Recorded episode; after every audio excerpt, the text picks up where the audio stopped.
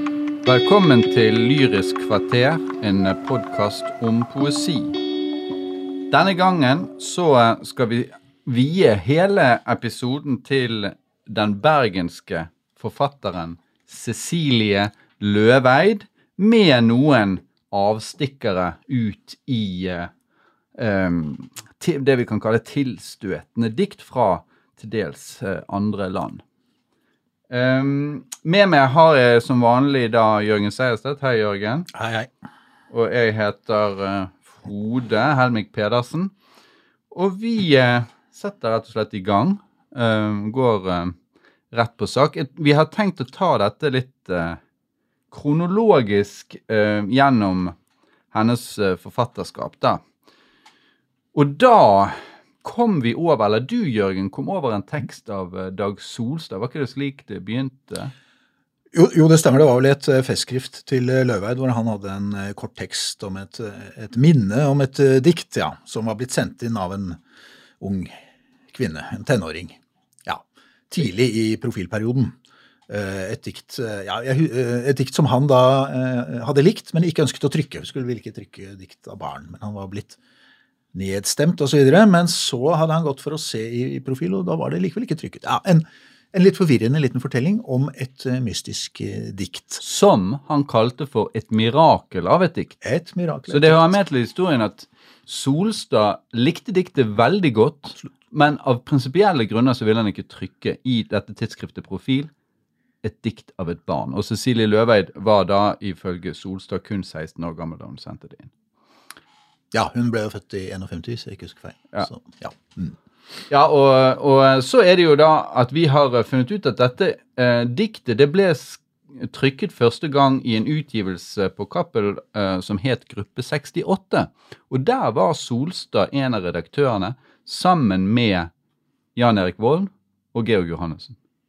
Så det er antagelig det han husker, at han der også antagelig da har frarådet eh, å, å sette henne på trykk, men pga. hennes alder, men blitt nedstemt. Så det har kommet på trykk. Nedstemt i denne høykompetente trioen, da. Redaktørtrioen. Ja. Ja. Eh, en, en redaktørtrio som muligens senere vil bli gjenstand for episoder av Lyrisk kvarter. Eh, det får vi se. Men vi må lese dette mirakelet av et dikt. Eh, Jørgen, du kan kanskje lese det? Ja, eh, gjerne. Det heter eh, Mor. Eh, Mor. Hun sitter på bussen etter å ha kjøpt levende fisk og gressløk. Nå skal hun hjem til poteten og det smeltende smøret. Ja, det var jo kort og konsist. Det er det. Ja. Og eh, det som, eh, det som jo først kanskje er å si om dette diktet, at vi kaller det gjerne på norsk eh, nyenkeltdikt.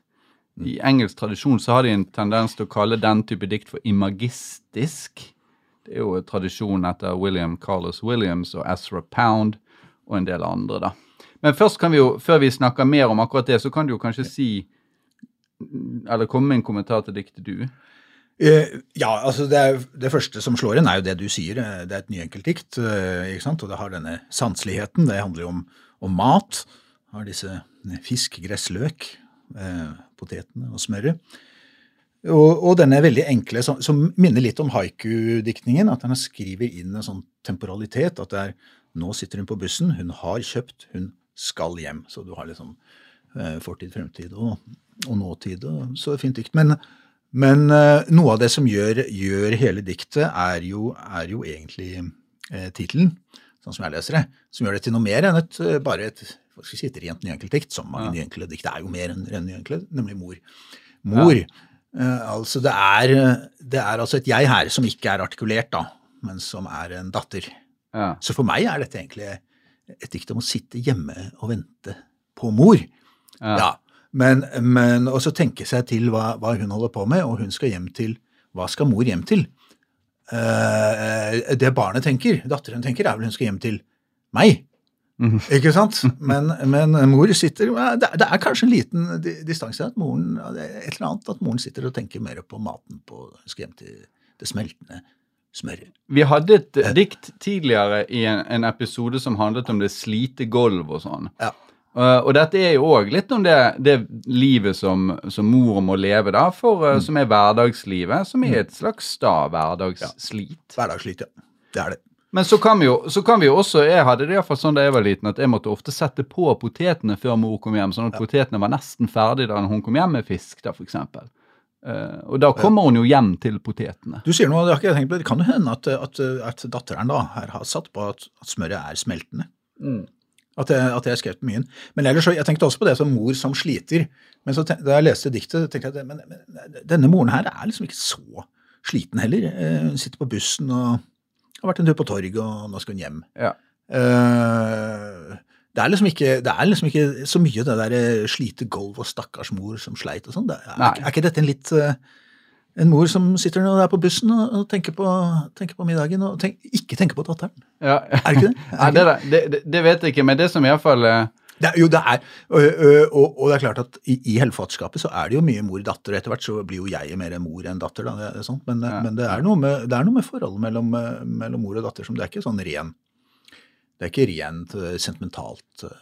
Entydig. Så. Nei, men det som, tenkt, det som, slår meg sterkest, er nok det smeltende smøret, tross alt. da. Ja. Og, men òg fisken og gressløken, men at, at, det er det sanselige. At du får lyst rett og slett uh, ja. på mat. Det er, det, nye, det er jo det nye enkle. Jeg er enig i det. Og, og, og, den fine Det er jo presenspartisipp. Norske dikt. Ofte eh, de to presenspartisippene her som, som, som formessig knytter det sammen. Det er ikke akkurat rima som en levende og smeltende. Ja. Det er så fint. Det er så daktylisk på norsk, de partisippene. Ja. Ja. Mye bedre enn på engelsk, f.eks. Så en daktyl, en versefot, uh, som, som, du kan lære deg ved å si daktylos, daktylos. Valsetakt. Ja. Men det som, er, det som er også, vi eh, merker oss her, du sa torget, sant? og det er jo den levende fisken. Det kjøper man i Bergen, på Fisketorget, i kummer. Så det er du, du, du, har et bilde av uh, det er veldig mye løvær i dette. ikke sant? Det er bergensk, det er, det er kvinne, det er mor-datter, det er sanselighet. Uh, I det hele tatt. Ja. Det, er, det, er, et lite mirakel av et dikt, egentlig. Ja. ja det, det var, når, når, når, Solstad skriver det, så er det jo naturlig å tenke på hans eh, kortprosasamling Svingstol, som kom i 1967, hvor han hadde dette berømte slagordet om at de ikke ville gi kaffekjelvinger. Sant? Det er jo et nyenkelt slagord, eller et antimetaforisk slagord, egentlig. Mm. Der sto det da eh, at, eh, at, de har gjort det da tidligere. Had, de hadde gitt kaffekjelvinger, og de har laget en fugl og sånn fordi at de har god fantasi. Men så en morgen så står de opp og så forsto de at vi må for alltid slutte å drømme. Eh, da ble vi fylt av en ømhet for verden og sa vi vil ikke gi kaffekjelen vinger. Vi vil ikke forandre tingene våre til fugler og blomster. Vi vil la kaffekjelen være kaffekjelen og se den stå på frokostbordet, blank av aluminium og fylt med rykende kaffe. Ja. Det er noe i det. Ja. Altså, det, altså, det, er noe i det som klinger igjen her, ja. uh, i dette diktet. Samtidig så er det jo det der med mor. Eh, jeg har lagt merke til også senere i forfatterskapet er det en del det er, som sagt, dikt om mor, og også dikt om mor og mat. Blant annet et uh, dikt om at mor ikke lærer, lærte henne å lage kjøttkaker. som jeg har merke til. Et annet dikt om hun var veldig glad i kjøttkaker. Ja, ja, Så hun fikk lære det av mor? sånn tolket jeg det diktet. mm. Ja.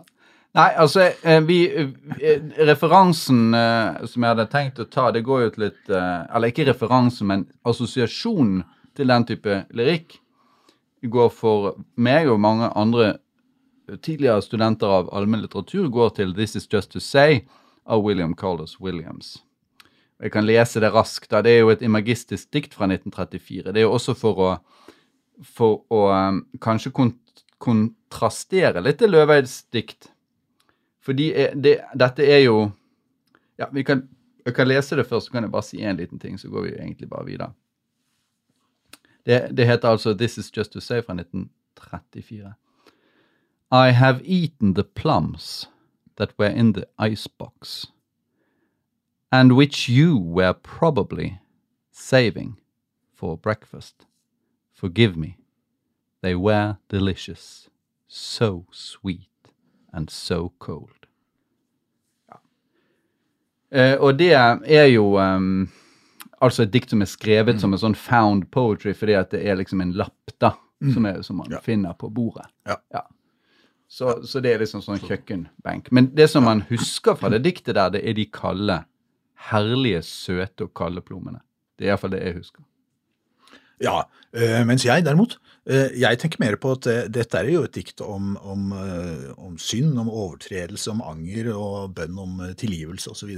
Det er et dikt om menneske- me- mellommenneskelige øh, relasjoner som, som, er, øh, som øh, sliter litt, da.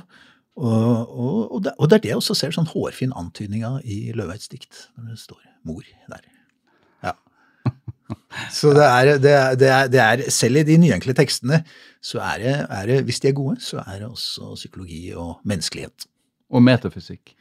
Uh, nei, ja, metafysikk. Uh, altså, Når det du er begynner klart. å snakke om synd og Ja, jeg har spist plommene. Det er jo arkesynd. Det er jo, det er jo ikke sant? Det er klart. Det er det, er, det, er, det, er det som skjedde i, i paradis, og som Augustin forteller om i sin eh, selvbiografi osv. Det er eh, epleslangens, eller plommeslangens. Da. Det står jo ikke i Bibelen akkurat hvilken slags frukt det var som hangte på det treet. Nei, så det kan ha vært plommer. Kan ha vært plommer. Ja. Absolutt. Og det tror jeg Williams var klar over. Altså. Ok, Ja. ja. Men eh, vi skal gjennom en del dikt, så, så, så dette var på en måte et slags preludium, da. Og så går vi eh, videre til et annet dikt som du har eh, drevet og eh, Nå tenkte jeg på det Fanget uh, villrose. Ja, Fanget villrose, ja. ja. Eh, husker du hvilket år det var fra? Eh, det har jeg glemt i farten. Eh, Du, det har jeg ikke notert på, på Ja. lappa mi. Er, er, er det rundt eh, 1980 en gang? Ja, det, det er iallfall Ja, det er cirka det. Men vi kan, vi kan se om vi, vi finner ut av det etterpå. Så, så kan vi, eh, så kan vi eh, be, Vi kan rett og slett be vår eh, tekniker om å google det. Ja. Men, eh, men det er iallfall fra 80-tallet. Og det er jo slik med Cecilie Løveid at hun er, etter dette nyenkle diktet her og sånn, som er sikkert inspirert av eh, Muligens av Solstad, da. Eh, så um, Ja, 77, sier han. 77. OK, Ja. 77. Ja. Greit. Men eh, så, så, blir, eh, så blir egentlig Cecilie Løveid en tidlig postmodernist i Norge. Hun, blir, hun skriver uh, det vi gjerne kaller for hybride tekster. Ganske sånn viltre tekster hvor det ikke er klare sjanger, klar sjangerinndeling og sånn. Den romanen, eller hva man skal kalle det, som heter eh, Sug, er et eksempel på det. eh, hvor det er eh, kan gjerne springe fra lyrikk til drama og til prosa i ganske sånn raske kast. Og i denne Fanget villrose så har hun på en måte allerede Dette er jo helt klart et dikt, altså, men det er et dikt som bærer litt preg av denne litt sånn fortellende stilen. Litt konverserende stil og litt sånn assosiativ. Det er ikke, det er ikke, det er ikke en sånn eh, typisk sånn komprimert sentralrykk som, eh, som vi ellers ofte er vant til å lese. da. Men du kan lese det du, Jørgen. Ja. Det minner jo litt, Du nevnte om påvirkninger. Hun er jo påvirket av profil, og det minner jo litt om, om vold. Eh, Absolutt, Som han skrev på, på 60, slutten av 60-tallet. Ja. Men, men gjerne det, 'Fanget villrose'. Det er altså et dikt fra, fra en samling som heter 'Fanget villrose', med, som, som sa Frode, eh, litt sånn, noen som litt sånn typiske dikt, og noen mer sånn korttekster. Ja. Eller sånn korteste tekster. Um, og dette er jo kanskje litt sånn midt imellom. Um, og det har jo da den tittelen som selve samlingen også har, og som det avsnittet i samlingen har. Så selve det, den metaforen, da, 'fanget villrose', Ja. den står jo veldig sentralt i, i hele verket og, og, og binder alt sammen, på Ja. en måte. Ja. Um, En form for domestisering da, av noe vakkert, Ja, ikke sant? vakkert og vilt. Det er noe vakkert og vilt. ikke sant? Det er jo rosen, som selvfølgelig er en, en, en helt total mm, konvensjonelt da, symbol på, på skjønnheten, skjønnheten på jorden. Og så er det jo villrosen, som eh, altså en spesiell type villskap, eh, frihet, Ja. rose, som da er eh, fanget eh, igjen, da. Eh, man fanger jo vanligvis ikke en blomst, det er jo vanligvis et dyr man fanger, men, men her er det altså fanget villrose. Ja, kan lese. I hagen en fanget villrose den drikker. Katinka. Hun er i denne hagen og er ikke redd. Eplene skal glefse etter henne, hun løfter opp kjolen for å se, menstruasjonen er i gang. Katinka skynder seg oppover, hun tenker på hva skulle hun gjort hvis hun hadde levd før i tiden? Hva skulle hun gjort, hun plukker med seg litt hegg i farten, hun ser mildt på det blåmalte huset med bilen foran, hun må forbi, i huset bor en stor bjørn. Men det blir mørkere omkring henne når hun kommer til nei, kommer hjem, vil hun proppe hullet til og krype til køys. Da kommer bjørnen ut av det blå huset sitt, han labber bort til henne, han liker visst blod, moms, moms, sier han, for en rik pike jeg har til nabo. Senere er det stillhet og glemt musikk. Ja, det, det, er, det er jo både litt mystisk og litt uh, morsomt og litt, kanskje litt ekkelt òg. Ikke sant? Her er det, her er det veldig mye av, av, av Løveide, ikke sant? for det er jo nettopp litt sånn villskap. da, ikke sant? Det, det, er, jo, det er jo humor og, og, og, og sånn ut, noen utfordrende bilder. Uh, og, samtidig mye, mye poesi. Ja, og så er det feminisme, da. Absolutt. Ja. Uh, en form for 70-tallsfeminisme. Kanskje. Ja, altså jeg vet at i, Frilyntfeminisme. i, i, ja, jeg vil kalle det friluftsfeminisme. Det er jo ikke noe typisk. Det står like ved i samlingen et annet dikt som heter 'Fortidens forfatterinnner', som er, som er liksom en klassisk feministisk eh, tekst.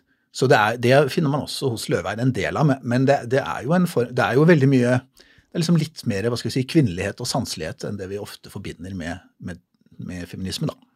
Ja, den strenge feminismen, Ja, mener du? ja den strenge feminismen.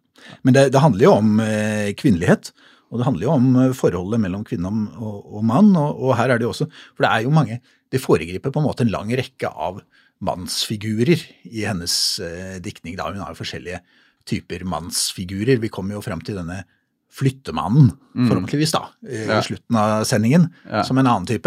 Eh, Det er sånn, litt sånn stereotyp, stereotype menn som, som eh, liksom gjør så godt de kan og, og prøver, og, men de er, litt, de er litt rare, litt annerledes. Ja, ja. Eh, Så hun har flere forskjellige sånne typer av menn som kommer, kommer, kommer henne i møte på ulike måter. Da. Og her er det jo denne bjørnen, da, Bamsen, som også er en figur som man treffer igjen mange ganger, og som jo her har et eventyraktig Det spiller jo på, spiller jo på eventyret, da. Ja, hvilke eventyr er vi her? Vi har iallfall uh, Gullhår og de tre bjørnene. Eh, Det er det der med å gå inn i huset til Det er jo ikke akkurat det som skjer her, da, men det, det klinger litt mer, for det er å legge seg i sengen til en av bjørnene. De prøver Gullhår prøver vel alle sengene Ja. da. Eh, og så er det Ja, ja, så er det jo Kvitebjørn, da. Ja. Kvitebjørn kong Valemon, som også er sånn. Så det er klart at, at det er vanlig psykoanalytisk eh, tolkning av, av denne dyrebrudgommen, da, som Mm. man finner i eventyrene. Eh, Det er jo at det er en form for, er en form for seksualangst som, som, som da eh, av og til eh, blir, blir over, overvunnet. da. Altså, hvitebjørnen er jo bjørn om dagen, og så er det elskeren om natten. da. De ligger sammen om natten for, for disse barna osv. Og, og til slutt så handler jo eventyret om at bjørnen blir forvandlet til prins og trer fram som menneskelighet, og da er det uttrykk for, for på en måte modningen, da. Ja, ja, overgangen fra preseksuell til, Ja. Så her plukker hun jo opp, opp det som er veldig litterært og, og eventyraktig, og lager sin veldig distinkte eh, variant av det. da. Ja, det er, jo, det er jo Hun er i den hagen. Det er liksom den første på en måte den første setningen er virkelig Ja. Det å stå i den hagen, da. Og så er det jo et surrealistisk bilde egentlig med epler som glefser. Ja. Det, det Eh, liksom, det kommer da etterpå. Og så er det menstruasjon, som er jo nettopp en sånn overgangsfenomen, da. Fra barn til voksen alder. Eh, men også et problem her, da. Som gjør at, som gjør at denne Katinka må, må skynde seg. Og så, og så tenker hun da på fortiden, og da er, jo, da er det jo nærliggende å tenke at fortiden er verre for kvinner enn nåtiden. ja. ja, det er jo Ja. det. Ja, Hva skulle hun gjort før i tiden? Ja. Det er jo det. Mens nå kan hun egentlig bare proppe igjen og, og, og komme seg til køys. men da, men da Nei, det, det er jo ikke det Nei. som er løsningen her. Lø, løsningen er jo aksepten fra denne, denne bjørnen. Ja, ja, ja, ja, ja. Det er jo på en måte det. Så, sånn, at, eh, sånn at det er jo en vri på, på eventyret, på en måte. Det, det, er, en, eh, det er en litt annen, litt annen historie. ja. ja altså, Så eh, det, er jo en positiv aksept fra denne merkelige bjørnefiguren. ja, så han slikker i seg dette blodet, sant? Eller ja, lepjer det i seg. Ja. Eller momser, egentlig er ordet. da. Moms, moms, moms, moms, ja. Ja. Og så er det jo Men det som, det som er eh, para, parallellismen, for, å- for å bruke et eh, begrep fra Roman Jacobsen Jeg mener altså et, et, et bilde som foregriper dette, er jo rosen som drikker i begynnelsen. Det er en, rød, det er en, en form for rød drikking da, Mm. i begynnelsen der, og så kommer den, eh, så kommer den bloddrikkingen der til slutt, eller momsingen da. Og så eh, er jo det bra for eh, Bjørn da, eh, fordi at han, eh, det, du, du tenker jo på Bjørn som liker honning, dette er på en måte hennes Mm. honning, da, på en måte. Og så, tenker Bjørn at, at hun er rik der, siden hun har dette blodet. Mm. Og så kommer det stillhet, og den er kanskje postkoital, da. Som det heter på fint. og, og glemt musikk. Jeg, ja, jeg, jeg tolker det som Det er en harmonisk, uh, harmonisk slutt, på en måte. Dette, det, det er, jeg tolker det som et i hovedsak, egentlig, Ja. uh, harmoniserende, et positivt uh, dikt. Ja. Om, om angst og, og, og, utvikling som på en måte finner en form for balanse eller harmoni. Jeg hadde også et, et, et bud på den glemte musikken. Ja. Nemlig at det var Katinka Katinka lukk vinduet Ja, opp. ja, det stemmer. Det, det er jo det navnet Katinka. Der hadde Ja. du en klar allusjon der. Ja, altså Katinka Katinka lukk vinduet opp er jo en sånn dansk slager, da. Mm. Eh, med tekst av Sigfred Pedersen og melodien Nils Klemmensen. Som er en sånn her dansk vise som er litt sånn vovet på en måte. Men ikke sånn veldig. Eh, og der er det det at Katinka skal lukke vinduet opp fordi at han da skal synge en sang til henne, og så, vil, så syns han at hun er li til å spise. Ja. Så du har en slags liten sånn, og pluss at det er en, en vise som kanskje ikke lenger Mm. uh, høres så mye, da. Så en glemt musikk, kanskje. Jeg vet ikke. Ja, nei, for det, jeg, jeg syns dette, dette er liksom litt sånn typisk uh, Løveidi som tydeliggjør både, både at hun er veldig original, da, Ja, dristig på en måte, ja. og konkret, og, og samtidig humoristisk, men at det også handler om eh, ja, mer allmennmenneskelige ting. ja og, pluss, og, litt, og litt mystisk. Litt mystisk. Absolutt litt mystisk. Ja. Ja da. At, og litt sånn mytisk. Et sånn mytisk skjær med bjørn og hagen og, og dette her. Ja. Uh, Nei, det, er, det gjør inntrykk. Man husker det. Så, så dette, er, dette er allerede eh, Dette er allerede da eh, ikke, altså Nå var det jo et mirakel at et dikt ifølge Solstad det første, men Ja. tross alt temmelig begrenset, da, får man vel nesten si. Ja. Og sånn at her har vi, her har vi et Jeg vet ikke om jeg vil kalle dette et mirakel. Kanskje et unikum? Jeg vet ikke. Det er iallfall et dikt av en, av en eh, Ja, en, en, en unik dikter, rett og slett. vil Ja. Alt annet enn forglemmelig. Man husker det. Ja. Og så eh, er det egentlig eh, det som vi hadde nå gjort det. Nå var det jo slik, det kan jeg jo nevne, at hvis jeg har forstått det rett, så skrev da Cecilie Løveid litt sånn forskjellig på 70-tallet, men utover fra slutten av 70-tallet og på hele 80-tallet og det meste av 90-tallet, så holdt Cecilie Løveid primært på med dramatikk. Hun var lærer for dramatikere, unge dramatikere. Hun var opptrådte da tydeligvis på uh, Ifølge etterordet til denne samlede dikt så, som er skrevet av Eldre Lunden, så opptrådte hun også som lærer for unge dramatikere, eller nei, unge skuespillere, tydeligvis. da. Jeg vet ikke helt. Eller om det var skrivekunstlærer. Jeg vet ikke-. Hun holdt iallfall på med dramatikk. Kort sagt, ja. Og så eh, begynner hun igjen med dikt for alvor fra 2001. Så derfor så har vi nå et sprang, eh, tidsmessig sprang. Eh, og da tenkte jeg at vi skulle gå hele veien videre til denne samlingen som heter Gartnerløs. Fra 2007, og det er den som heter Tog om kvelden. Ja. For den kommer eh, tror jeg, det, jeg tror det er den som er i rekkefølge på de diktene vi har valgt i dag. Eh, og det er jo et dikt som eh, Som da forholder seg ganske mye til Tarjei Vesaas. Ja. Og særlig da Bleikeplassen. Og det kan jeg lese først nå. Eller vil du Er det fordi vi jobber med litteratur at vi liker sånne dikt som alluderer til andre diktere? Ja, De, de gir oss liksom litt mer å snakke om. Men det, jeg, jeg, lik, jeg likte dette diktet veldig godt. Uh, Ja. Nei, altså. Eh, så jeg syns det var uh, Men det kan vi jo komme inn på hvorfor. da. Det, det er sånn hyggelig å holde på med, rett og slett. Kjekt å holde på med. Kjekt å lese, kjekt å holde på med. Tog om kveld heter det. Det røde toget lukter diesel, lukter lær, intens urin og medbrakt klemt tomat. Lukter min onkel, vognvisitøren. Lukter min mor, lukter sjalu mor. Lukter ondulert damaskkelner. Men det er båten om kvelden. Bleikeplassen. Det er å lese i togets sure lys og rester av dagslys over fjellsidene. De små sjøene med en fortøyd jolle, klesvask på snorer som lyser i skumringen, uthengd for dogga i natt og for sola i morgen tidleg. Hus som noen har skrevet store beskjeder på. Det må vel være skrevet av noen som mener det sånn. I eh, gresset ligger hodeskaller. Musens hvite hodeskalle. Hundens hvite hodeskalle.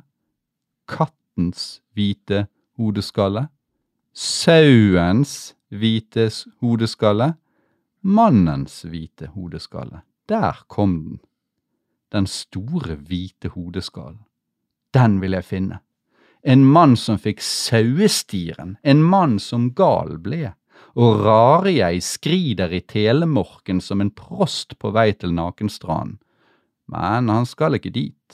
Han skal i skrivestuen. Han skal tenke på skriften på veggen og en lang, ren skjorte til bleking. Ja, fint lest, det. Så her er det mye. Ja. Her er det mye å ta fatt i. Ja. Du kan begynne litt eh, og kommentere litt. Sier du det? Ja, ja eh, takk skal du ha. Eh, det, begynner som regel med tittelen. Ja. Og toget om kvelden, da tenker jeg jo to ting. Det ene er jo, det første er naturligvis at dette er et, et kveldsdikt. Et kveldsdikt. Og da er det døden som kommer med en gang. Kveldsdikt. Alle kveldsdikt er også dødsdikt. Det, det, er, det er ikke til å komme unna, og det er her demonstrert nok en gang. Uh, men så er det også et togdikt. Et togdikt. Og, og vi har jo noen forskjellige togdikt, så, så man, kan, man kan tenke på det som en slags kommentar eller svardikt eller en variasjon over eh, kanskje det mest kjente togdiktet, nemlig, nemlig 'Bildestanser på barkåker' av Jan Erik. Vold. Diktet av Jan Erik Vold. Ja. Så, så det minner litt om det, men det, men det er klart at eh, siden det er så mye, mye Vesås her, så Vesås har jo også en, den der signalet som handler om et sånt tog som aldri som står på stasjonen. Ja. Så, så han som bruker. Men, jeg, men jeg tror egentlig er det, det, det er liksom dette å sitte på toget. Det er liksom rammen. Sitte på toget om kvelden, og det blir mørkere og mørkere. Ja, Og så har vi Eh, barndomsminner, da. Det er jo helt Ja, så kommer det masse både minner og, Ja. og, og, og leseinntrykk da hun sitter der med, med en bok av Vesaas, Og- sånn som. Og å se ut vinduet. For det, det, det som er det, noe av det geniale her, da, det er jo at det som hun leser Og der, der tenker jeg at hun leser det som barn, fordi at hun har allerede kommet inn i minnet med moren og onkel og sånn. Kelnere har vi ikke lenger på Bergensbanen, dette er Bergensbanen, det er ganske klart. Og, og, um, sant? og, og der har du disse du har disse små sjøene med fortøyd jolle, det kan du se på Bergensbanen. Det er typisk Og på fjellet der, ja. på fjellet der. Ikke sant? Det er der de ror ut og, med garnet. Med garnet og, tar, og eh, auren. ja. Ja. Og så, eh, og så har du da klesvask på snorer som lyser i skumringen. Det kan du også se f.eks. på Finse, men du kan se det ja, du kan se det over hele fjellet, egentlig. Den type ting. På Finse, sier du? Ja, det er i hvert fall mye på Vestlandet før du kommer opp på fjellet. da. Jo, men det er typisk hvis du har vært på tur, sant? Så Ja. henger du opp det, så Ja, du opp det okay. svette tøyet ditt for at det Ja. Eh, For eksempel. Men iallfall så, så er nå poenget da at hun Du kan forestille deg at hun sitter og ser på disse tingene, og så kommer da Uthengt for dogger i natt og for sola i morgen tidlig, som er veldig tidlig i Bleikeplassen. Et sitat. Eh, Ikke sant? Så jeg er helt enig. Veldig sånn effektiv. Og Ja. Du sitter liksom med en bok, da, Vesaas, Ja. og han skal endelig, nå endelig få lest Vesaas. Han tar på fjellet der. Ja. Og så sier du, ser du ut av vinduet, så leser du litt i boka. altså. Ikke, nå, nå leste du inn det selv. Det er klart, Når du tar toget, så får du endelig lest litt forskjellig. Endelig fra en tid. Men, men det er ikke det det er snakk om her. Jeg tror det er snakk om et barn som leser. Barn. Ja, jeg tror det, altså. Min onkel og min mor, sjalu mor og sånn. Eh, Ja, men det, dette er erindringer. Ja? Hun, hun kommer inn på toget, og så, og, så, og, så, og så er det fullt av lukt. Lukter, lukter, lukter der. Eh, det, eh, ikke sant? Eh, og det, det tenker jeg er et slags sånn barndommens lukter. Hun blir minnet om ja. Men òg muligens barndommens lukter sjalu mor. Der er, vi, der er vi tilbake til det litt ambivalente Ja. morsbildet som jeg var inne på i det første diktet. Ja, og så er det sant? båten det lukter min mor. Det, hører, det høres ut. Lukter min mor. Ja. Lukter sjalu mor. Ja. Lukter ondulert damaskkelner. Det er gammeldager. Ondulert, Frode, vet du det er? Nei, jeg kom på det når jeg leste det. Det er, det er faktisk ikke klar over. Det er at, at, man, at man lager sånn bølger i håret med, Ja, det er undula, altså fra bølge... Bølge, bølger. Så, Ja, sånn, sånn, sånn at man lager, lager, lage bølger i håret. da, og det er klart at eh, Jeg, jeg husker jeg tok, jeg tok Bergensbanen hvor det var hvite duker på bordene i, i restaurantvogn. Ja, faktisk jeg også. Og du. Ja, ja. Så, så, så gamle er vi blitt. Eh, men, men det er de minnene som gjør at jeg tenker at det ikke nødvendigvis er en slags nåtid i 2007 hvor hun, hvor hun leser av Oh, ja. Vi, må anta at Ulløve Løveid har lest Bleikeplassen lenge før 2007. Tror jeg nok. Ja, men jeg, jeg, riktig. Og det, og det står jo ikke noe sted at dette, disse luktene er, vekker disse minnerne, minnene, men, men jeg tenker at eh, det er, det er noen minner, altså. Mm.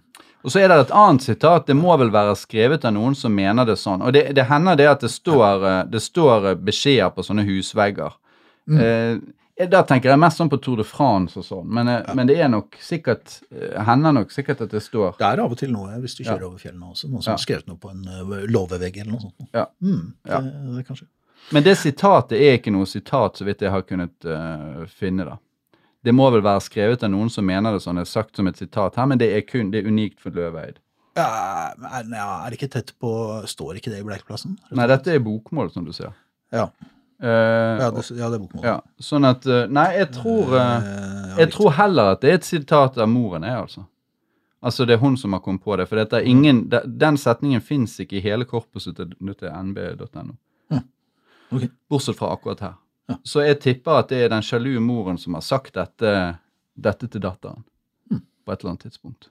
Det, det er det man sier til den type sitater. I hvert fall så må vi kanskje forklare for leserne at Bleikeplassen er jo en roman Ja. eh, av Vesaas. Ja. Eh, ja, som også, er, også han laget eh, skuespill av. Eh, hvor det altså det er, noen har skrevet noe på en vegg.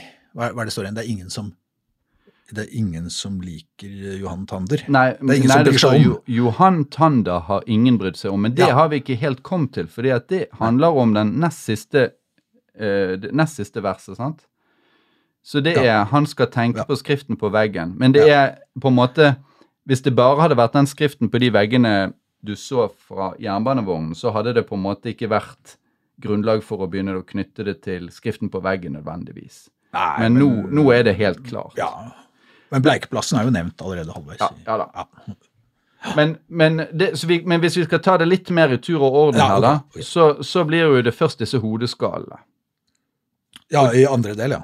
Ja. Hodeskallen. Ja. Og de, de ligger altså i gresset. Man kan jo forestille seg at man så hodeskaller fra togvinduet, men ikke, ikke musen sin hodeskalle. Ser du ikke fra togvinduet. Nei, det ser du ikke. Sånn, sånn at, eh, og det er jo en parallell til faktisk hva som skjer i det der volddiktet. Ja. Bildestans på Varkåker-diktet. At, at det, det overskrider, sånn at det blir erindring istedenfor synsinntrykk. Da. Ja. Så ja, Erindring eller fantasi, eller eh, iallfall bilder som ikke, som ikke kommer direkte ja, fra sansningen der. Da. Og da har du altså musens, eller musens Ja. Det kan være en død muse her.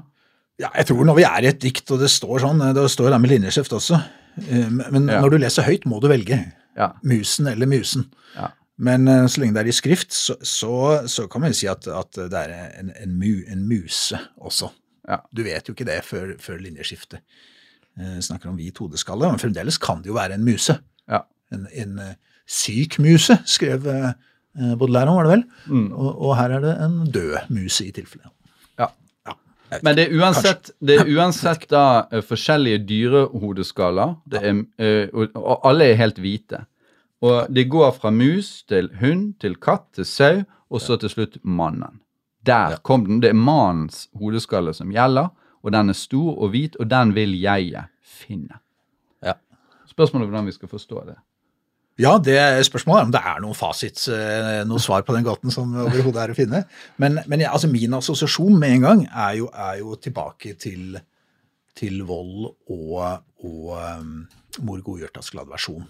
Ja, den samlingen som han hadde, hvor han skriver om hodeskallen til Tarjei Vesaas. Eh, og da, eh, Tarjei Vesaas hadde jo en, en markant eh, Skalle, ja. skalle eh, da, som var fremhevet av hans eh, skallethet, da, eller, eller korte Ja. hår, eller hva det var. Og, og eh, Vold har jo et dikt der hvor det er sånn at han har tatt på jeg tror det er Johan Sverdrups Nei, Harald, unnskyld, Harald Sverdrups hodeskalle. Dikteren Harald Sverdrup. Og så tenker han at bare, bare Tarjei har en finere skalle enn det. Også parentes, men jeg har aldri turt spørre. Så han har aldri tatt på den. Hodeskallen. Så Jan Erik Vold har liksom aldri nærmet seg den hodeskallen. Men nå, når, når Løveid skriver dette diktet, så er jo Vesaas død. Nå da, er jo, da er han jo død, da. Ja. Og da er skallen, så det er liksom en, en liten kommentar der om å gjenfinne Vesaas sin hodeskall, på en måte, som hun gjør i dette diktet, som er en allusjon til Vesaas. Det er min, det er min, det er, den, det, er den, det er det som vekkes hos meg når jeg leser de setningene der, men, men om det er det som er diktets intensjon, eller hva det er, vet jeg ikke. men, men Nei, altså, ja, det, det For det er ikke så mye dekning for den lesningen. Da. Jo, jo, men altså det er jo uh, klart at Løveid er inspirert av vold, som du sier. Det, det som er problemet med den lesningen, er selvfølgelig at Vesaas sin skalle i det diktet er jo ikke en hodeskalle sånn i den Men han, forstand. er, men han er det i diktets altså han, han, er jo, han er jo gått bort i mellomtiden. Ja, ja, så han eksisterer bare som hodeskalle. Han levde jo da, da Vold skrev det der i, i, på 60-tallet. Men det som jeg iallfall ville ha gjort der, da, det, det var jo altså For jeg, jeg assosierte til uh, Hamlets uh, hodeskalle, som er litteraturhistoriens mest berømte hodeskalle, og Løveid har jo også holdt veldig mye på med dramatikk, Ja. og kan selvfølgelig alle disse dramaene som er på repertoaret veldig godt. Uh, og så er det jo et Men det er jo et vanitas-symbol, hodeskall. sant? Og det er vanitas-symbol i malerier, som er algoriske malerier typisk. Og Løveid er, kommer jo fra kunsthøgskolen, hvor hun har sin utdannelse Ja da. opprinnelig. Ja da, og, og, og, Frode, jeg la merke til at Ja. i den samlingen nå, så er det jo et par dikt før, så er det jo et dikt om Shakespeare og hans perforerte hodeskalle osv. Ja. Så, så det er klart det, er, det, det ligger under der. Men, men uansett et vanitas-symbol. Og det, Ja. det syns jeg er viktig, fordi at vanitas-symboler, det er jo da Det betyr at du skal uh, huske at du skal dø, egentlig. Livet er forgjengelig. Eh, men det betyr også, eller det kan også bety at du skal ta vare på livets gleder slik de er mens de allerede er her. Det, det er en sånn dobbelthet i en del sånne vanitas-tankegang. Men så har du også da skriften på veggen, og det er litt viktig å være klar over at når skriften på veggen kommer litt senere i diktet, så er jo skriften på veggen er jo mene, mene, tekel, ufar sin, eh, som er da Belsasars fest. Ja. Eh, og Belsasar får denne Telle, beskjeden. tellet, veiet og delt. Ja, han er, han er veiet og funnet for lett. I, i, I Bibelen på norsk så står det Det er jo Daniel da som tolker dette, denne skriften på veggen, og han sier og slik skal ordene tydes. Mene, tellet, har Gud ditt kongedømmes dager og gjort slutt på det. Tekel, veid er du på vekten og funnet for lett. Peres, delt er ditt rike og gitt til medeene og perserne. Ja. Og da er, sier da eh, tradisjonen gjerne da at det er hovmod står for fall. Um, Iallfall én tradisjon sier det, og det er, blir veldig lignende til vanitas. da. Eh, og dermed er det, er det en sammenheng mellom disse, både hodeskall og skriften på veggen. Og Vesos, som du nå har også tatt opp. Ja da, ikke sant. Og, og der i, i Bleikeplassen, hvor, hvor jo poenget er at han, han misforstår da den meldingen. Han tror det Han blir jo full av, av angst og aggresjon. Ja, altså, Eh. la, la oss bare forklare det for leserne. Sant? Du har skriften på veggen i Bibelen, Daniels bok, og så har du skriften på veggen i Bleikeplassen av Vesos. Der står det altså eh, Det er konen til hovedpersonen, eh, Johan Tander, som har skrevet på veggen 'Johan Tander har ingen brydd seg om'. Det har Det misforstår han. Ja, Han vet ikke at det er henne som har skrevet det. Han, han tror det er en annen, en mann som ikke liker ham, som har skrevet det. Som han da kommer i en veldig knallhard konflikt med. For han på slutten skjønner at det er konen. Og, og, da, og, og, da- er det en veldig stor lettelse. Da skjønner han at det var skrevet av kjærlighet og medfølelse og empati, og ikke av aggresjon og hat. Så han, han, han feilleste. Det, er, det, er, det handler om på en måte feilfortolkning. Ja, så, så Jon Tander, ingen bryr seg om, betyr 'jeg bryr meg om Jon Tander', Ja. egentlig. Ja. Det skjønner han til slutt, eh, rett før han da dør. Da. Ja, Og dermed så kan den dø befriet. Ja. Eh, sant? Og, og blekingen i, i blekeplassen, der er det jo også snakk om en sånn skjorte som en eller annen skal ha. Det var en, en annen figur der, Christer eller et eller annet, Mm. som skal ha en sånn skjorte uh, til å dø i, eller noe sånt. En, en, ny Ja, skjorte. den eldre mannen. Ja, Mm, ja. ja. Ja, sant? Og her er det jo den, den skjorten, ren skjorte til bleking, og blekingen blir jo da Altså døden, som du allerede har sagt med øh, Sant? Si med en gang. Ja. Ja, Kveldsdikt. Det, ja. Sant? Døden er klar her, og, og, og, og så er det sinnets lutring, da, Mm. eh, som er symbolisert i denne blekingen. Og alle hodeskaller som vi har truffet på, symboler på døden, symboler Mm. på, forgjengelighet, de er bleket. Blekede. Helt De lyser opp der i mørk. Ja. Ja. Nei da, det, det, er, ja, det er jo et fint dikt. Jeg vet ikke, av og til, man, man tenker jo av og til eh, på Løvedikt at det var et par setninger, eh, linjer, da, som, som kanskje, kanskje en sted man kunne vurdert, da. Ja, stryke. Stryke, rett og slett, da. Og, hvilke, og der ville du ha strøket? Nei, ja, dette her er Å jeg skrider i telemorken som en prost på vei til nakenstranden. Det er, ikke sant, det er jo friskt, altså det er jo annerledes. Det, det, det er en sånn Løveis eh, signatur i det å skrive, så, så på en måte så eh, liksom bare eh, ja, bryte helt med tonen, da, på en måte. Ja. Så, men, men jeg veit ikke, er det vellykket? Han var jo veldig glad i å bade. Det er jo noe Haldis Moren eh, Vesaas, kona hans, også skriver mye om. Han var litt sånn, gikk rundt med en liten trang badebukse og, og viste seg fram. Han likte det. Eh, Han var en slags vitalist. Ikke, ikke naken. Du, det tror jeg ikke du skal se bort fra. Det tror jeg ikke du skal se bort fra. Og det, og det, og det, og det i, i eh, store spillet så naken, var han jo naken med en eh, kamerat der i elven der. ja. Ja, han er en vitalist. Ja. Vesaas var jo en, eh, en 30-talls vitalist. Ja. Han var jo det, på mange måter. Også, både, både i tekst og, i, og sånn fysisk. Kropps. Feire livet og kroppens sunnhet, da. Eh, men, men det Mm. Så det er noe der som hun, som hun alluderer til og gjør seg morsom med, men liksom bare eh, Jeg vet ikke. Jeg vet ikke. Jo, ja ja, kanskje. Altså, det, det er, eneste er fall veldig gjort- spesielt. Nei, jeg ville ikke vært den for uten, for jeg syns det er veldig morsomt at han skrider som en prost på vei til nakenstrand. Da tenker jeg at det er en veldig ivrig prost, da. Ja. Eh, fordi at eh, han prosten får ikke sett så mye nakne Ja, det, damer. det er morsomt. Eh, sant? eh, morsomt men, men han skal ikke dit. Han skal ikke dit. Nei. Han skal til skrivestuen, for det er enda mer spennende for denne uh, Tarjei. da. Ja. Jeg liker ikke så veldig godt at han kaller han for Rare-jeg. Det er det eneste. Nei. Så det eneste jeg ville kanskje ha prøvd å, å endre der, var at hun rett og slett bare kalte han Tarjei. Men, men ok, det er Løveid, og det er en liten rar Hun syns han er litt rar. Ja. Og han var litt rar. Ja. Men han skal til skrivestuen. Og så skal han tenke på skriften på veggen. Og det jo, betyr jo også at han eventuelt holder på å skrive Bleikeplassen, da, og da må han jo tenke på hva skriften på veggen betyr i Bleikeplassen, hvis Tarjei uh, holder på å skrive den boken. Ja da. Ja. Men så må han jo tenke, som vi alle må tenke på, skriften på veggen. Ja. på en måte. Og det er jo det som Vi selvfølgelig tolker tegnene eh, på vår egen slutt. For en forfatter så betyr jo det selvfølgelig at det du skriver, kanskje ikke er bra nok. Du er veiet og funnet for lett for en forfatter betyr at det, det er jo den konstante frykten til en forfatter som sitter i skrivestuen. Kanskje dette er bare noe forferdelig møl.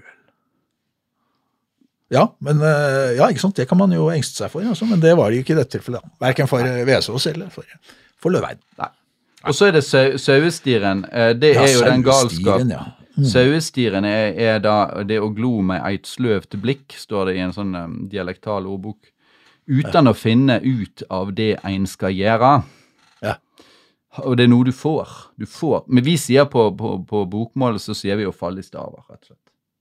Ja. Men her Det er ikke betyr så det bra. Falle i staver er jo ikke så det er ikke så beskrivende, vil jeg si. Det er ikke så godt uttrykk. Jo, men sauestiren. falle i staver tror jeg har med tønnestaver å gjøre. Mm. Men, men eh, Så du faller Fungerer ikke for meg. Sauestiren, derimot. Ja. Ja, Men, det, men her er det galskap, da. Apropos Hamlet, forresten. Som, Ja. som var jo berømt for å spille Ja. gal. da. Men det er en sauestier, da. Men, så det er masse å snakke om der. Men jeg syns det er et veldig, et veldig interessant og flott dikt som vi egentlig allerede har bevist at det går an å få veldig mye ut av. Ja. Eller? Er- er- Ja. Enig i det? Jeg, ja, jeg er enig. Absolutt. Ja da. Ja. Da tror jeg rett og slett vi går videre. Og da går vi videre til um, dette som du uh, bet merke i. Uh, ikke bet deg merke i. Det heter bet merke i. Eller å merke seg Ja. til eh, lytterne. ja. Det er en kontaminering av to ulike Jeg merket meg. Du merket det et dikt som handlet om Gaza, og Gaza er jo eh, dessverre eh, aktuelt eh, nå som aldri før, med en ganske eh, forferdelig eh, bombing. Og dette diktet er, er da et dikt som eh, griper tilbake på en tidligere bombing av Gaza. Det er ikke Ja. første gang Gaza ble bombet av israelerne, for å si det sånn. Det var ikke det. Dette, dette er sannsynligvis, sannsynligvis fra 2009. Eh, eh, 2009, da. Eh, det kom i et, en samling som het Svartere bunader fra 2010. Og, og så er det jo det at eh, det er ikke det, altså det er det vi kaller en ekfrase. altså Det er et, det er et dikt om bilder. Om ett bilde, eller i dette tilfellet om uh, kunstfoto, da. Ja. Av en, en danske, tror jeg, som het eh, Kent Nei, s- svensk. Svenske er det, ja. Som het eh, Kent Klich, eller Klikk. Ja. Eh, som, eh, som har noen fotografier på, på nettet. Man kan eh, slå det opp Kent Klikk med KLICH. Gaza fotoalbum, ja. ja. Ja. Så han var der nede i, i 2009 eh, etter at det hadde vært noen, et, en israelsk militær intervensjon. da, Etter at da det var fyrt av noen raketter fra, fra Gaza-stripen. Og den gangen, i hvert fall ifølge de opplysningene som står der, så, så var det minst 1400 døde palestinere eh, den gangen. Mm. Ja, så, som er lite i forhold til i dag, da. Dessverre. Ja. Ja. Så eh, Ja, nei, så det, det slo meg da. Det er jo et, eh, et ganske kort dikt. Et ganske eh, Et politisk dikt, på en måte, men, men samtidig et nokså interessant eh, dikt. Fra svartere bunader 2010. Ja, Ja. det sa jeg. Det er fremdeles det Løveid kaller for sin danske tid. Det var sånn før hun har flyttet tilbake til Bergen. Hun bodde jo i Danmark. Men det er noe litt interessant med det diktet, kan du si det med en gang, at, Ja. at i den versjonen som står i Svartere bunader, så er det en linje mer enn i den versjonen som står i samlede dikt 2001 til 2013. Og det tipper jeg ikke er en forglemmelse, men en eh, redigering. Ja, en forbedring. En forbedring, som vi var inne på. Det er en og annen linje, men, jeg, men nå overbeviste du meg om at den linjen om Tarjei Vesaas i det forrige diktet var, var, var på sin plass. Men her er også tatt ut en, dikte, en linje, da, tatt ut siste linja. Ja. Ja. Og, og diktet er eh, både ifølge Jørgen og ifølge meg bedre, og ifølge da tydeligvis Løveid selv, bedre uten den siste linjen som sto altså i den opprinnelige diktsamlingen som het da Svartere bunader. bunad. Svartere bunader. Ja. Ja. Skal jeg lese, Ja. Instrukser fra tilfeldigheten. Bilder fra Gaza av Kent Klich. Sengen er fylt med sementstøv. Vi drømmer om forandring. Stolen er dekket av sementstøv. Vi synger og spiller om forandring. Badekaret er fylt av sementstøv. Vann kommer vi aldri til å glemme. Kjøleskapet er fylt med sementstøv. Skjønnhet er det eneste som varer. Vi venter på instrukser fra tilfeldigheten. ja. Og der stopper det. Der stopper det nå, og hvis vi går tilbake til eh, 2010-versjonen, så står det en linje til. Vi vet ikke om de virker. Altså instruksene. Ja, venter på instrukser fra tilfeldigheten. Vi vet ikke om de virker. Og der er det jo det, der er det, jo det at, at eh, vi syns den siste linja, eh, vi vet ikke om det virker, blir litt for hva skal vi si, litt for eh, konkret. Det er bedre å etterlate leseren og teksten i den at vi venter på instrukser fra tilfeldigheten, hvor du da har disse, Du har jo to og to nedover, og, og da blir det stående én en enkelt linje, og så blir det bare en taushet som følger. Ja. Og det er klart at eh, instrukser fra tilfeldigheten, at du ikke vet at de ikke virker, det er, sier seg selv. Ja. Ikke sant, Det sier seg selv, vi vet Ja. ikke om de virker. Poenget er de, kan, de, de virker naturligvis ikke. Ja, ja, det kan jo hende de virker hvis det er en tilfeldig eh, Hvis du får en slags eh, Ok, en eller annen form for instruks som gjør at du, at du f.eks. flykter, da. Eller løper et eller annet sted for å unngå bomber eller noe sånt. Det kan, Det kan jo være. Ja. Eh, faktisk så leste jeg faktisk, i den, den boka som hun, eh, Skjermen Malerien har, har, har som samtalebok med, med Løveid, ja. så kommenterer hun ikke dette diktet eh, direkte, men hun begynner veldig tidlig i den samtalen å snakke om tilfeldigheten, ja. som hun sammenligner med, med det som man jo i drama kaller eh, deus ex machina. At det plutselig kommer en, en, en eh, allmektig person inn på slutten av stykket og løser opp i alle flokene. En person som ikke på en måte har en, en plass i intrigen, men, som, men som bare løser det liksom mirakuløst. Og, og sørge for en slags god slutt. Så hun sammenligner tilfeldigheten med det, som hun kaller da den egentlige makten. Så hun knytter det ordet. Så det var, det var litt Det, det kastet litt mulig lys over eh, dette diktet. Man venter på instrukser fra tilfeldighet. Man venter på en deus ex machina. Kommer ikke til å komme. Ikke i vår tid, i hvert fall. Ja, tror jeg, og så, når det gjelder den jeg vet ikke om, For meg er det helt innlysende at en Deus Ex-maken er tilfeldig, men eh, Nei, men uh, hun, hun bruker det ordet Ja. uh, der. Uh, jo, jeg syns det, det var egentlig litt interessant i forhold til dette diktet. Da. ja, det, det er estetisk sett tilfeldig, kan du si, da, i, Ja. i, en, i et drama. Ja. Ja. Men, men, men det som vi kan, ja, ja. Det som ja, vi kan. Ja, og det, det, det som vi kan si, hvis du ser på disse bildene da, som heter Gaza Photo Album 2009, Ja. så vil du f.eks. se et, et hull i et uh, murtak. Ja. Uh, som, som, som gjør at du ser rett ut på himmelen, og så ser du en stue nede, og så ser du en sofa full av sementstøv. Og Ja. sementstøvet er jo da den sentrale Ja. metaforen her Ja. for Ikke sant? eh, Støv. ja. Sementstøv. Ja. Ikke sant? Og det, er- er jo litt, litt bibelsk igjen, da. Ja. Støvet. Ja. Så, Ja, støvet er på en måte det motsatte av det å ha et, et, et, et på en måte et rikt liv, da. Støvet, da er det over. Eller da er det på en måte altså, Er livet brakt til Ja. Da er det brutt ned i sine, sine ned. minste Ja, ja. Eh, partikler. Ja. Og, er, sånn at, og da er det jo, og dette er jo også et av de løvediktene som er litt mer har litt mer struktur, på en måte. Det, det, det liker jeg med det. Altså det, det er observasjon, og så er det en slags refleksjon. Altså, sengen er fylt med semester. Man, det er den gjentatte. Man ser sengen, man ser stolen, man ser badekaret, man ser kjøleskapet, og alt sammen. Det er støv, støv, støv. Ja. Eh, redusert, da. Og så er det opp mot det, så er det jo denne drømmen, da. Og sangen og kunsten. Altså, vi drømmer om forandring, vi spiller om forandring, og så denne skjønnhet er det eneste som, som varer. Sånn, Kunsten er lang.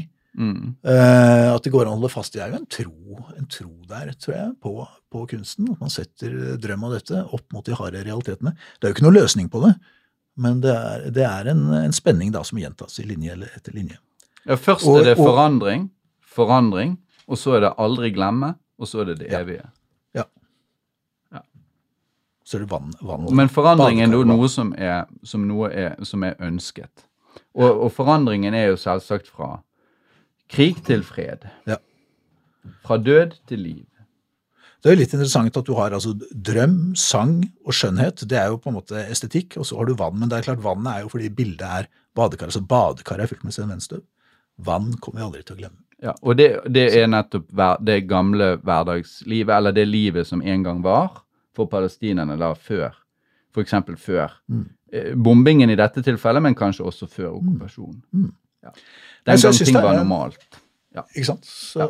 så jeg syns det, det er et ganske, et ganske flott dikt. Et litt sånn, det har en sånn metafysisk overtone, og samtidig er det jo veldig konkret og knyttet til, til eh, denne konflikten. Eller først og fremst til eh, Vi må jo huske at dette er jo en ekfrase. Ikke sant? Det er om fotografiene. Så det er om et slags kunstverk av en forferdelig realitet. Da. Ja. Så, så ekfrase er ganske vanlig hos Løve. hun har massevis av, eh, av sånne dikt om bilder, og dikt om, eh, om fotografier, og, men også dikt om, om andre typer kunst. Da. Ja. Så hun er, hun, I det hele tatt, veldig mange av diktene hennes er jo knyttet til De, er litt sånn som leilighetsdikt. altså De er knyttet til en eller annen hendelse eller en eller annen person eller en eller annen, et eller annet kunstverk. sånn som her. Ja, ja. Mm. Altså en leilighet. Ja, en, en eller annen omstendighet. En begivenhet eller ja, rundt omstendighet. Det er, Mm, det er et gjennomgående i mye av det hun skriver. Ja, at Løveid er jo en litt sånn Hun er jo en litt sånn slentrende poet på en måte. Altså hun, hun, eh, hun er litt sånn konverserende, litt sånn spontan. Det er ikke alt som er virker så veldig premeditert alltid. Eh, Nei. det- Dette, dette er jo et veldig sånn gjennomarbeidet dikt, eh, føler jeg. Dette korte diktet her. Men, men det er klart, det, det, er, det, er, eh, det er den der eh, litt sånn prosaiske eh, holdningen i, i, i mange av diktene. Litt sånn, litt sånn ordrike, og, og så går de over i prosa mange steder. Ja, dette er kanskje mer retorisk, da kan du si. Dette er absolutt et av de mer retoriske, som Ja. er mer, mer, mer påvirket av, av, av Georg Hansen, kanskje, kan man si, enn av eh, i hvert fall eh, Av vold. av vold. Ja, det er jo politisk og retorisk. Ja. Mm. Skal vi gå eh, videre, kanskje? Fordi eh, vi har jo etter hvert da denne eh, ja, I hennes biografi da, så har vi eh, en overgang fra København til Bergen. Det er en reise svært mange norske forfattere har gjort. Ikke nødvendigvis til Bergen, men til Norge igjen, da. Eh, og, um, så det er på, på mange måter en klassiker, og det er en reise også eh, Thomas Espedal har gjort, f.eks., som han har skrevet om. Og her er det da i 2012 denne samlingen som heter Flytterester. Den handler om Eller alluderer til hennes eh, reise tilbake til Bergen. Det er, hun flytter hjem, rett og slett. Mm. Ja. Mm. Og, og da er det altså disse flyttemennene som, som er ganske sånn sentralt her.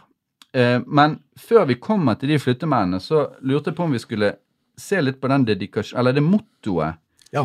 eh, som hun har satt foran samlingen, Jørgen. Ja, og det er jo et sitat fra, fra den svenske poeten eh, Thomas Tranströmer.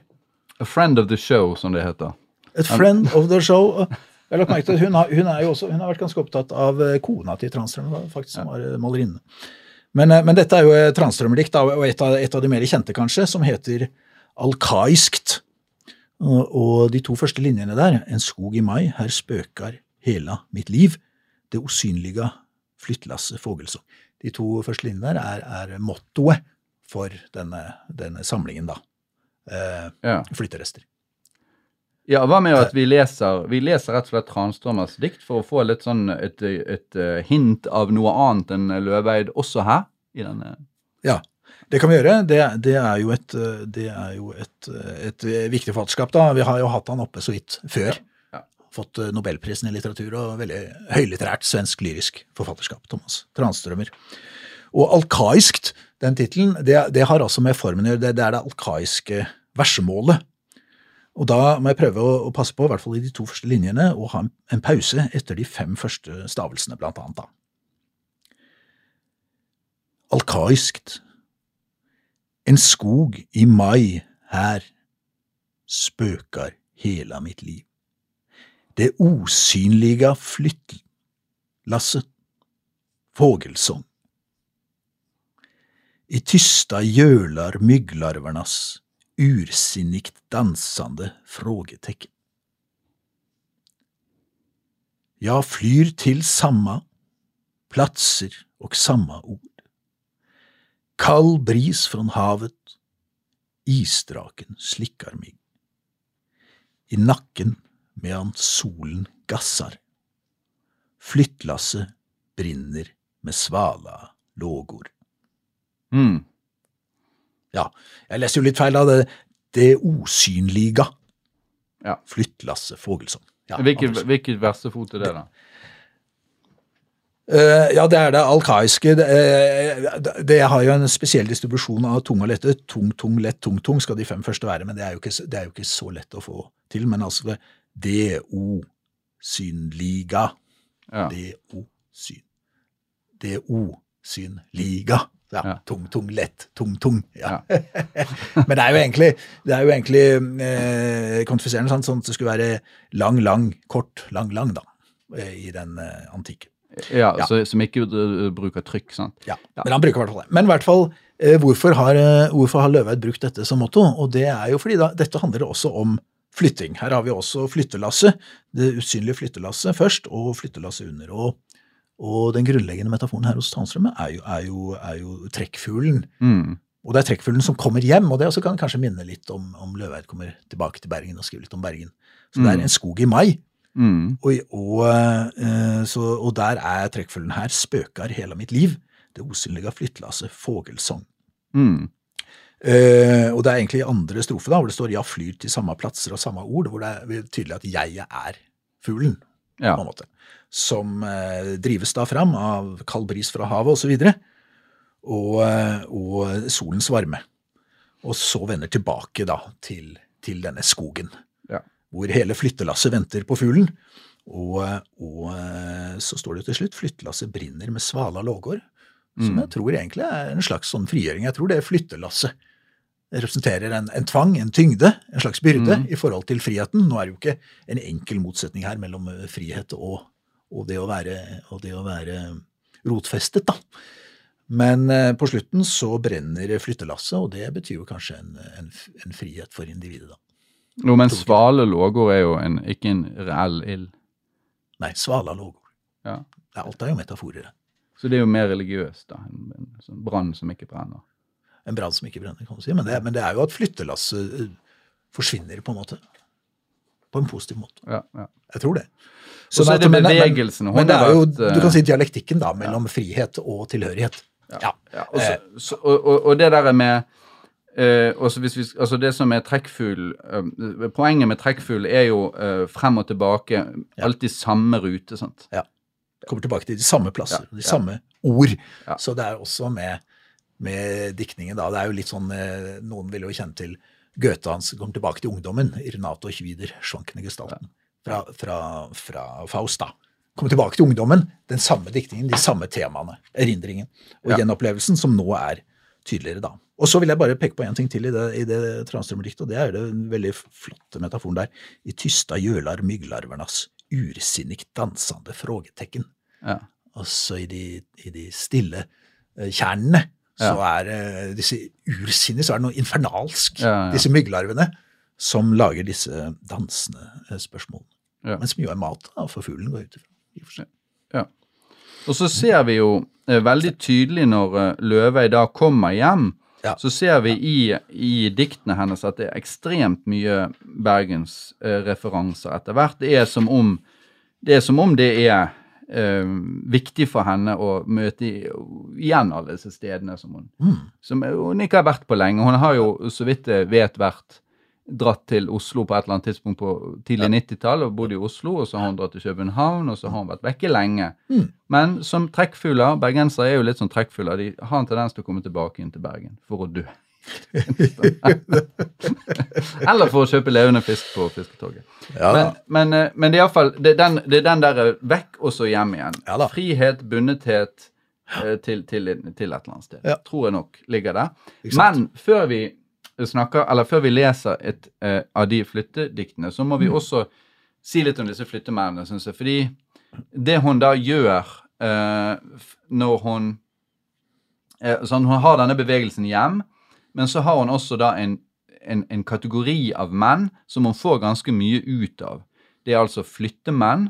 Det er slike menn som på en måte kommer og går, eh, og som du på en måte har den intimeste berøring med, for de er jo oppi alt ditt liksom private eh, de- eh, innbo og sånn. Eh, samtidig som du ikke har, egentlig har noe med de å gjøre, sånn personlig. Eh, så de, de har den litt sånn tvetydigheten der. De bærer i seg kontrasten mellom ute og inne, som, som Knausgård har snakket en del om. Dette med at en sofa plutselig står ute på fortauet og sånn. Mm. Det er, det, er for, det, det er noe interessant med det der. Ja. Og det nære og det fjerne, som det ligger også i den trekkfuglmetaforen som vi har snakket om da. Så du, du er vel en linje, du er vel enig i at det går en linje der fra, fra denne bamsen og bjørnen i nabohuset som kommer over, og fram til eh, denne Ja, flyttemannen? ja, for det er ulike kategorier av menn som er sånne som dukker opp. som Kommer inn i hennes rom, i hennes liv, eh, møblerer det halvveis, delvis. Uh, Og i dette tilfellet da både oppbrudd og hjemkomst, som er inkarnert i denne flyttemannen. Og så er det jo da Men her er det jo blitt, i dette diktet vi nå skal frem til, er det jo blitt litt eh, Det er en misforståelse, da. Kanskje. Ja, men det, altså, de, de, nå snakker jeg om alle i hele samlingen, da. Ja, ja. Så, så eh, di- disse eh, eh, flyttemennene de er jo veldig nyttige, selvfølgelig. De er typisk sterke, Ja. hendige. Ja. De er maskuline, kan vi si. Akkurat som bjørnen, på en Ja. måte. Ja.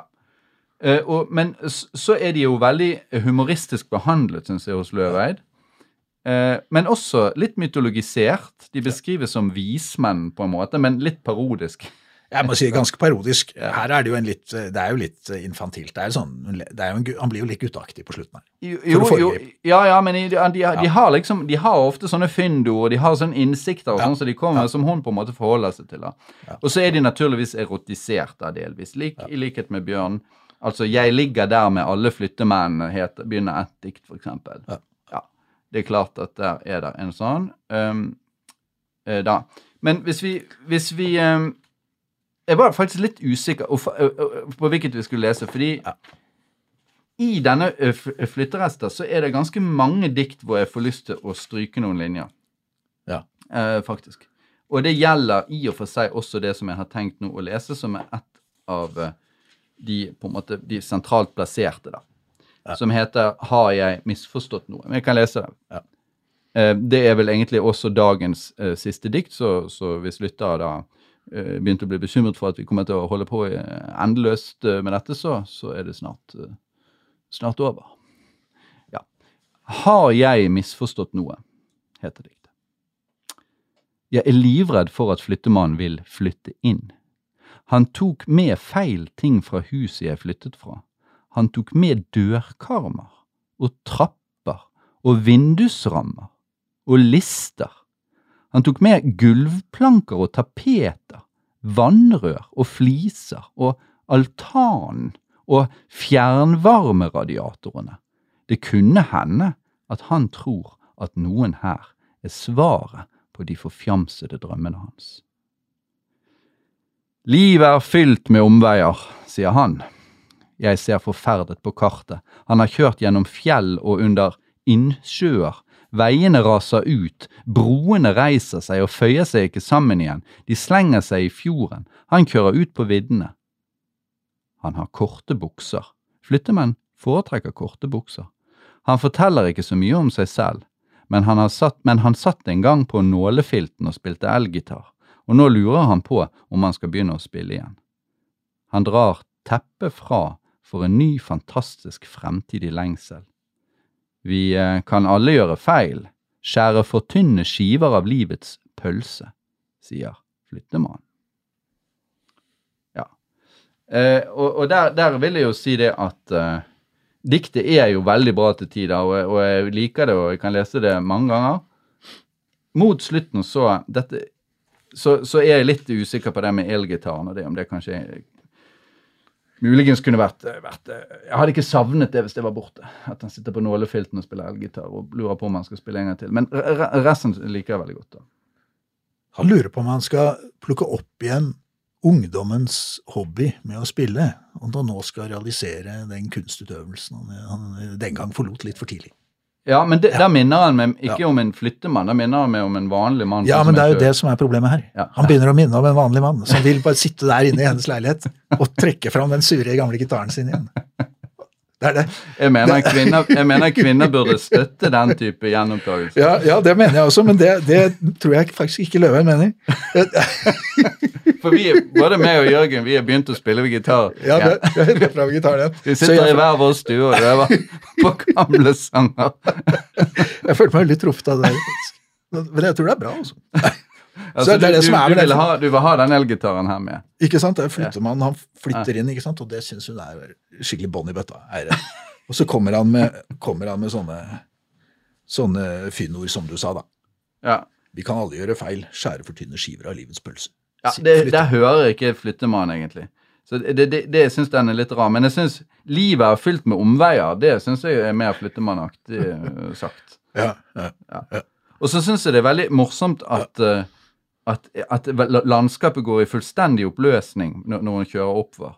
De har kjørt gjennom fjell og under innsjøer, og veiene raser ut, og broene reiser seg og føyer seg ikke sammen igjen. På en måte så beskriver hun et realistisk vestlandslandskap, og på den andre siden så virker det som et, et, et totalt surrealistisk landskap hvor ting går i fullstendig oppløsning. Ja, det, det, er jeg egentlig enig i det, når du ja. sier det. Jeg hadde ikke egentlig tenkt på det, men jeg er enig i det.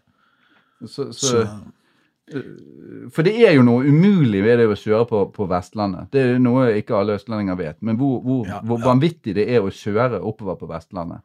Med disse fjordene og fjellene og, og, alt som er i veien for, for, biler.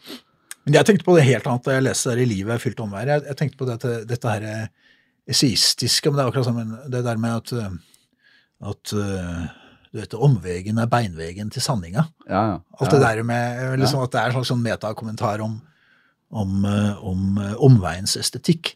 Men jeg tror, jeg tror, kanskje ikke, jeg tror det er bedre du, eh, din assosiasjon. egentlig. Ja, altså, men... Fordi at han, Jeg tror ikke heller han ville komme med den typen eh, innsikter, denne flytte, flyttemannen. Nei, ja, jeg tenkte på, på, det med Hvis du, hvis du har da kjørt på Vestlandet, så, så du, skal du egentlig bare rett bort 200 meter, men så må du ja. kjøre 5 ja. km. Du må inn i bunnen av fjorden. Men så, over, så, overfører jo han det til livet. Og så blir det en livsinnsikt av den type med at før du kan gjøre det som du har tenkt å gjøre, så må du gjøre alt mulig annet først. Ja, og sånn er det, og da blir det kanskje, ender du kanskje også opp et annet sted. Men det er jo òg morsomt Nå går vi jo på en måte baklengs oppover i diktet, da. Ja. Eh, og det er jo greit nok. Men jeg syns at Altså, Premisset for diktet er jo at flyttemannen ikke lenger blir en flyttemann. Det har vi jo egentlig allerede sagt. Ja. At flyttemannen blir en ektemann eller en samboer eller et eller annet sånt. Ja, men, men, han begynner å true med det, så å si. Ja. ja. Um, og da, da, er jo, da er det jo veldig morsomt å lese hvorfor hun begynner å tro dette, når han tar rett og slett med seg så store deler av huset at, ja. uh, at det virker som han har tenkt å lage et nytt hus til, til de da. Det skal ikke bare han ikke, ikke sant. Han flytter ikke innboet, han flytter, han flytter selve strukturen. Ja. Og uh, hun blir bekymret. Og det er jo bekymringen for at denne mannen skal rett og slett flytte inn i, inn ja. i hennes hus, da. I hennes rom. Ja.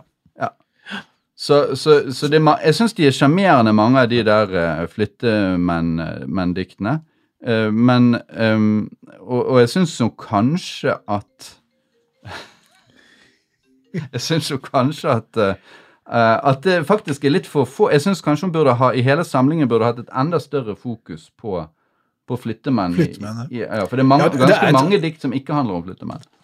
Det er det, det la jeg merke til. Og, og det er enig med deg, det er et, veldig, det er et sånn slående bilde. Flyttemannen eh, hun- får veldig, mye, får veldig mye ut av det. Ja. Ehm, og, og det føyer seg fint inn i, i hele forfatterskapet, egentlig, med disse, med disse mennene, da. Enten er eh, det- denne bamsebildet, eller hun har et dikt om en pianostemmer som en gang kom inn og stemte pianoet hennes, og, og hun har noe, et langt dikt om en gondolier i Venezia som staker seg fram. og Det er mange sånne mannsfigurer som, eh, som opererer, og flyttemennene topper på en måte eh, hele dette. Men, men de er jo også litt tufsete, sånn at, sånn at jeg tror nok hvis man analyserer disse utviklingen i disse mannstypene, da, så er det en slags, eh, en slags eh, frigjøring, og, og, og mannen det, Han er jo infantil, da, denne flyttemannen. Han er litt sånn brautende, men han er jo helt gjennomskuet av, av jeget, som riktignok ser på ham med et visst kjærlig, kjærlig overbærende blikk. da. Ja, ja. Ja. Ja, og sånn er det vel, og det kan vi jo lett se for oss at Løveide eh, også gjorde på ordentlig. da. Eh, men, eh, men jeg vet ikke om vi skal da eh, rett og slett eh, prøve å oppsummere bare bitte litt kort om Løveides Løveids forfatterskap. Det lyriske. Ja, det, det lyriske forfatterskapet. Ja, eh, nei, det, det, er, det er jo et, et veldig markant eh, Det er en veldig tydelig stemme. En veldig tydelig stemme fra en eh, du kan si en generasjon som er liksom, De er jo litt i skyggen av profilgenerasjonen. ikke sant? De som er 10-20 år yngre Ja. enn profilgjengen. Altså, de, de, er, de har ikke det generasjonsstempelet. De har ikke helt den markert seg med en sånn tydelig identitet, sånn som eh, ja, Vold og, og Solstad og Obrestad i og for seg, da, og flere, Mm. flere i Kjærstad. Ja. Nei, eh, unnskyld, Fløgstad, mener jeg. Uh, og flere i den generasjonen gjorde.